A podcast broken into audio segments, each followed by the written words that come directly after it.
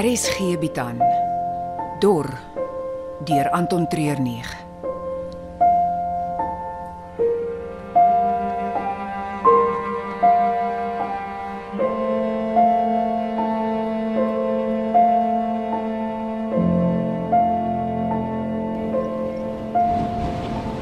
Ek het toe ek klein was altyd vakansie gehou by die karavaanpark in Victoria Bay naby George.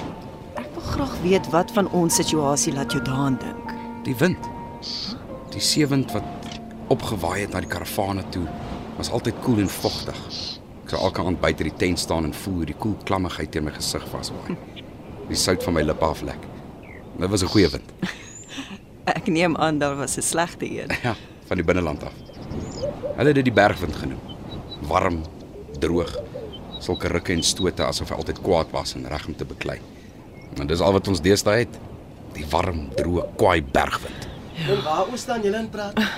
Winde van verandering. Dit kan jy weer sê. Wat dink julle van die view? Wel, plat, sand en swart gebrande klippe. Die Groot Karoo, waar die niks kniehoog groei. waardeur ons moet kom om by Maatjiesfontein uit te kom. Sover ek kan sien, lyk dit nie of daar iets in ons pad staan. Dis waar jy die pot mis sit.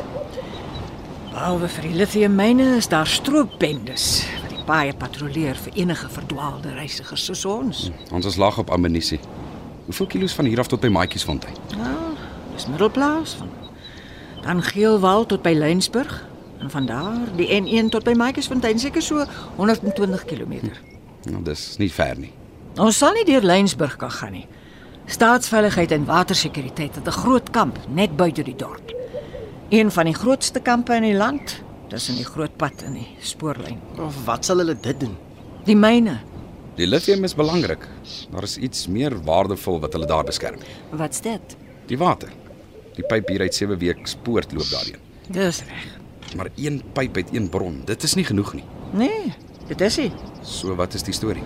Ek het jou gesê ek gaan julle vertel. Wat jy kan doen wanneer ons kamp opgeslaan het.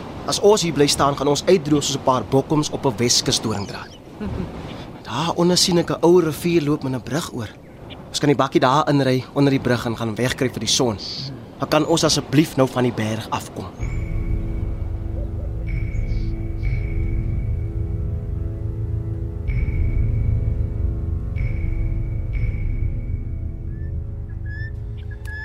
Mense dink met die droogte sou dit maklik wees om droë hout te kry. Ek moes 'n hele ent by die rivier loop afloop om genoeg stompe bymekaar te maak. Al die ander is weggewaai of weggedra. Sal hierdie wêreld ooit weer regkom?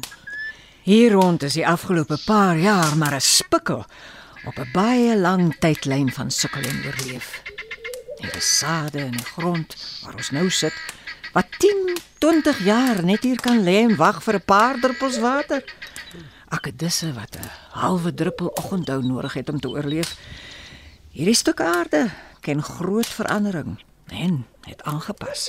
Ek sal die eerste wag staan skofvat. Caleb.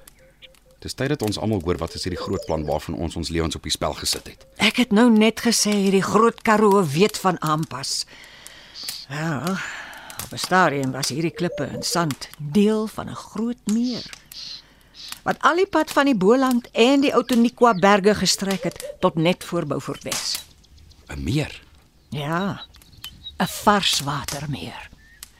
In die Karoo Nasionale Park het hulle die beendere ontdek van enorme varswatervisse. En natuurlik is die vraag, waarheen is al daai water? Ja, seker maar iewers in die see ingeloop. Of dalk het die impak van 'n komeet al die water laat verdamp. Daar was 'n klomp sulke baie goeie akademiese idees, maar die eenvoudigste is op die ou einde die korrekte een. En is verlang misgekyk. So die water het in die grond ingesypel. Presies. Die grootste stelsels van ondergrondse reservoirs in die wêreld. En by die poort is een van die plekke waar die water uit die klip loop. Maar jy sal nie glo hoe ons dit ontdek het nie. Met opmetings en opgrawings. Ja, maar vir iets anders as water. Dit was nog voor die groot droogte. Toe ons as land so groot probleem met krag gehad het. Jy praat van fracking. Op soek na skaliegas. Ek kan onthou die regering het 'n paar tenders uitgesit. Die ouens het gekom en toetsgate gesink. Maar toe gebeur die interessantste ding. Oproepe begin inkom dat hulle in plaas van gaspockets water kry.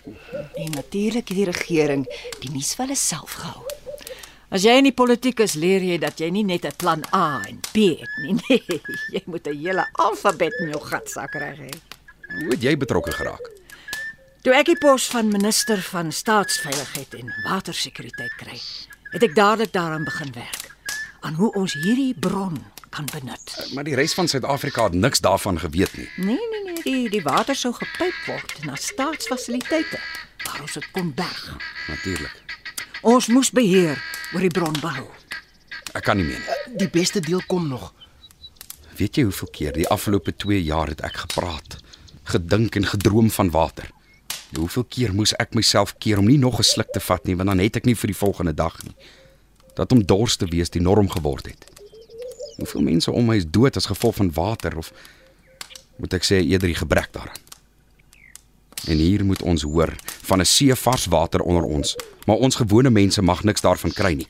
Ek ek gaan 'n eind stap. In die donker. Los my.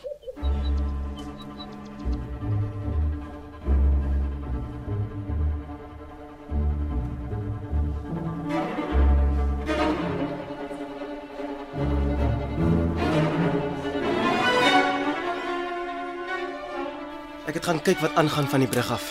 Maar selfs met die verkyker kon ek niemand sien nie. Geen ander vure wat brand of voertuie wat ry nie. Ek dink ons is alleen. Enrikus? Hy het gaan stap na die kop hier naby. Ek dink hy het net tyd op sy eie nodig. Ek is jammer. Ek wou hom nie ontstel nie. Ah, Die idee van al daai water onder ons. Dis moeilik om te verwerk. Is dit hoekom jy hierdie area 'n no-go zone gemaak het? Die enigste manier om totale beheer te hê. Maak seker daar is geen beheer nie. Divide and conquer. Presies. Misty het my vertel wat met die gewone mense in Beaufort Wes en Lensburg gebeur het. Dit was nie my plan nie. En ek het glad nie daarmee saamgestem nie. Die besproeiingsvliegtye in die giftige gas. Al dit was toe ek besluit het ek kon nie meer aangaan nie, asof asof niks verkeerd is nie. Asof ek nie deel van die probleem is nie. Wat se gas het julle gebruik? Wat maak dit saak? Julle het 'n hele dorp se mense uitgewis. Natuurlik maak dit saak. Daar is besluit op fosgeengas wat hulle aan die einde van die Eerste Wêreldoorlog gebruik. Hoekom? Ek ek kan Jy wil hê ons moet jou vertrou. Glo dat jy verander het en en jammer is.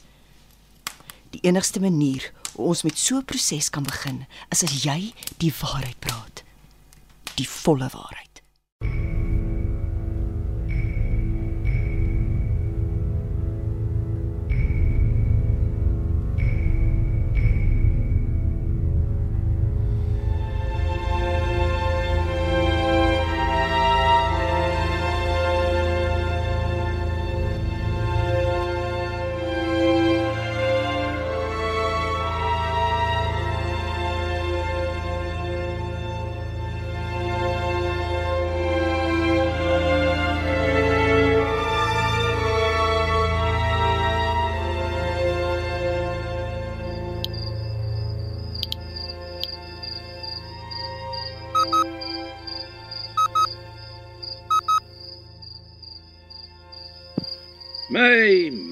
80.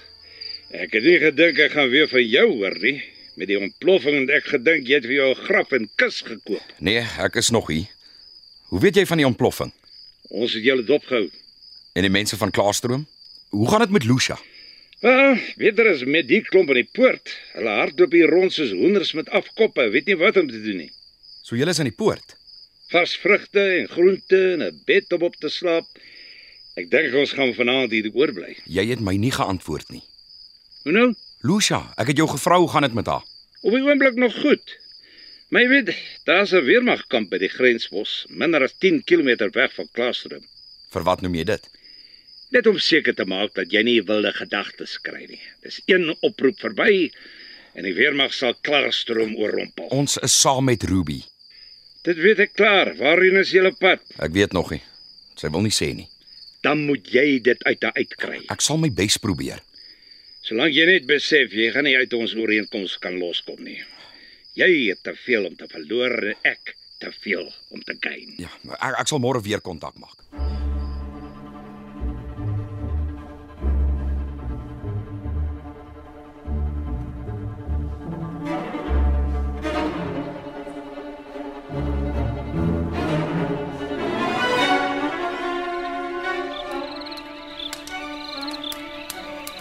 Die rede hoekom daar besluit is op fosgeengas is oor hoe effektief dit is. Van al die gasse wat in die Eerste Wêreldoorlog gebruik is, was dit die gas wat die beste gewerk het. En wat is die effekte van daai gas? Die longe vul op met vloeistof. Jy, jy verdrink en verstik in jou eie liggaamsvloeistowwe. Dis ongelooflik. In die middel van die droogte het julle 'n hele dorp se mense verdrink. Ek het jou gesê dat ek met alles in my teen die besluit beklei het. Maar al die besluite wat jy voor dit geneem het om die pype vir die water aan te lê, om hierdie gebied 'n no-go zone te verklaar, om die water vir julle self te hou, dit. Dit was jou besluite wat aanleiding gegee het tot hierdie massa. Oh, okay, okay, Caleb.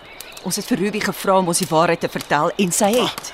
Ons het 'n groot taak op hande gehad. 50 miljoen mense wat almal water as 'n reg beskou het. Jy draai die kraan oop en daar is dit.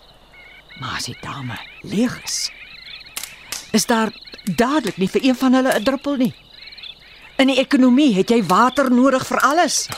Vervaardiging, vervoer, selfs vir die opwek van krag.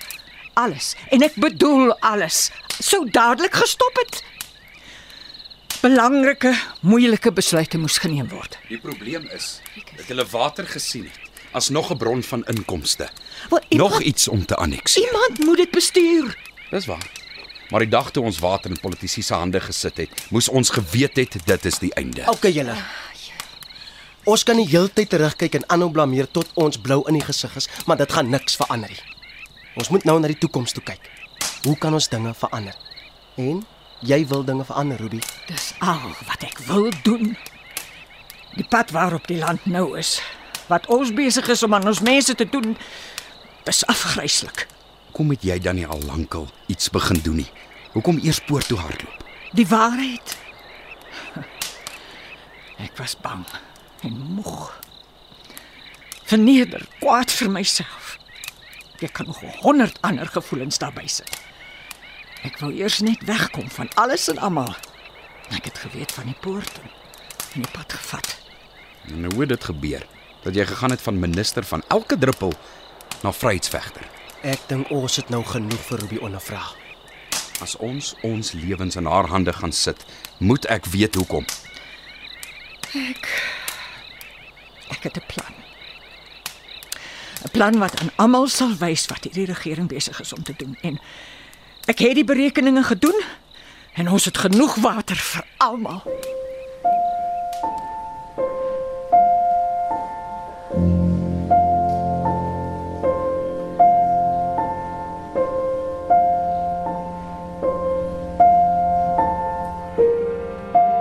Dor word in Johannesburg opgeneem onder spelleiding van Johnny Klein. Die tegniese span is Frikkie Wallis en Dipalesa Motelo.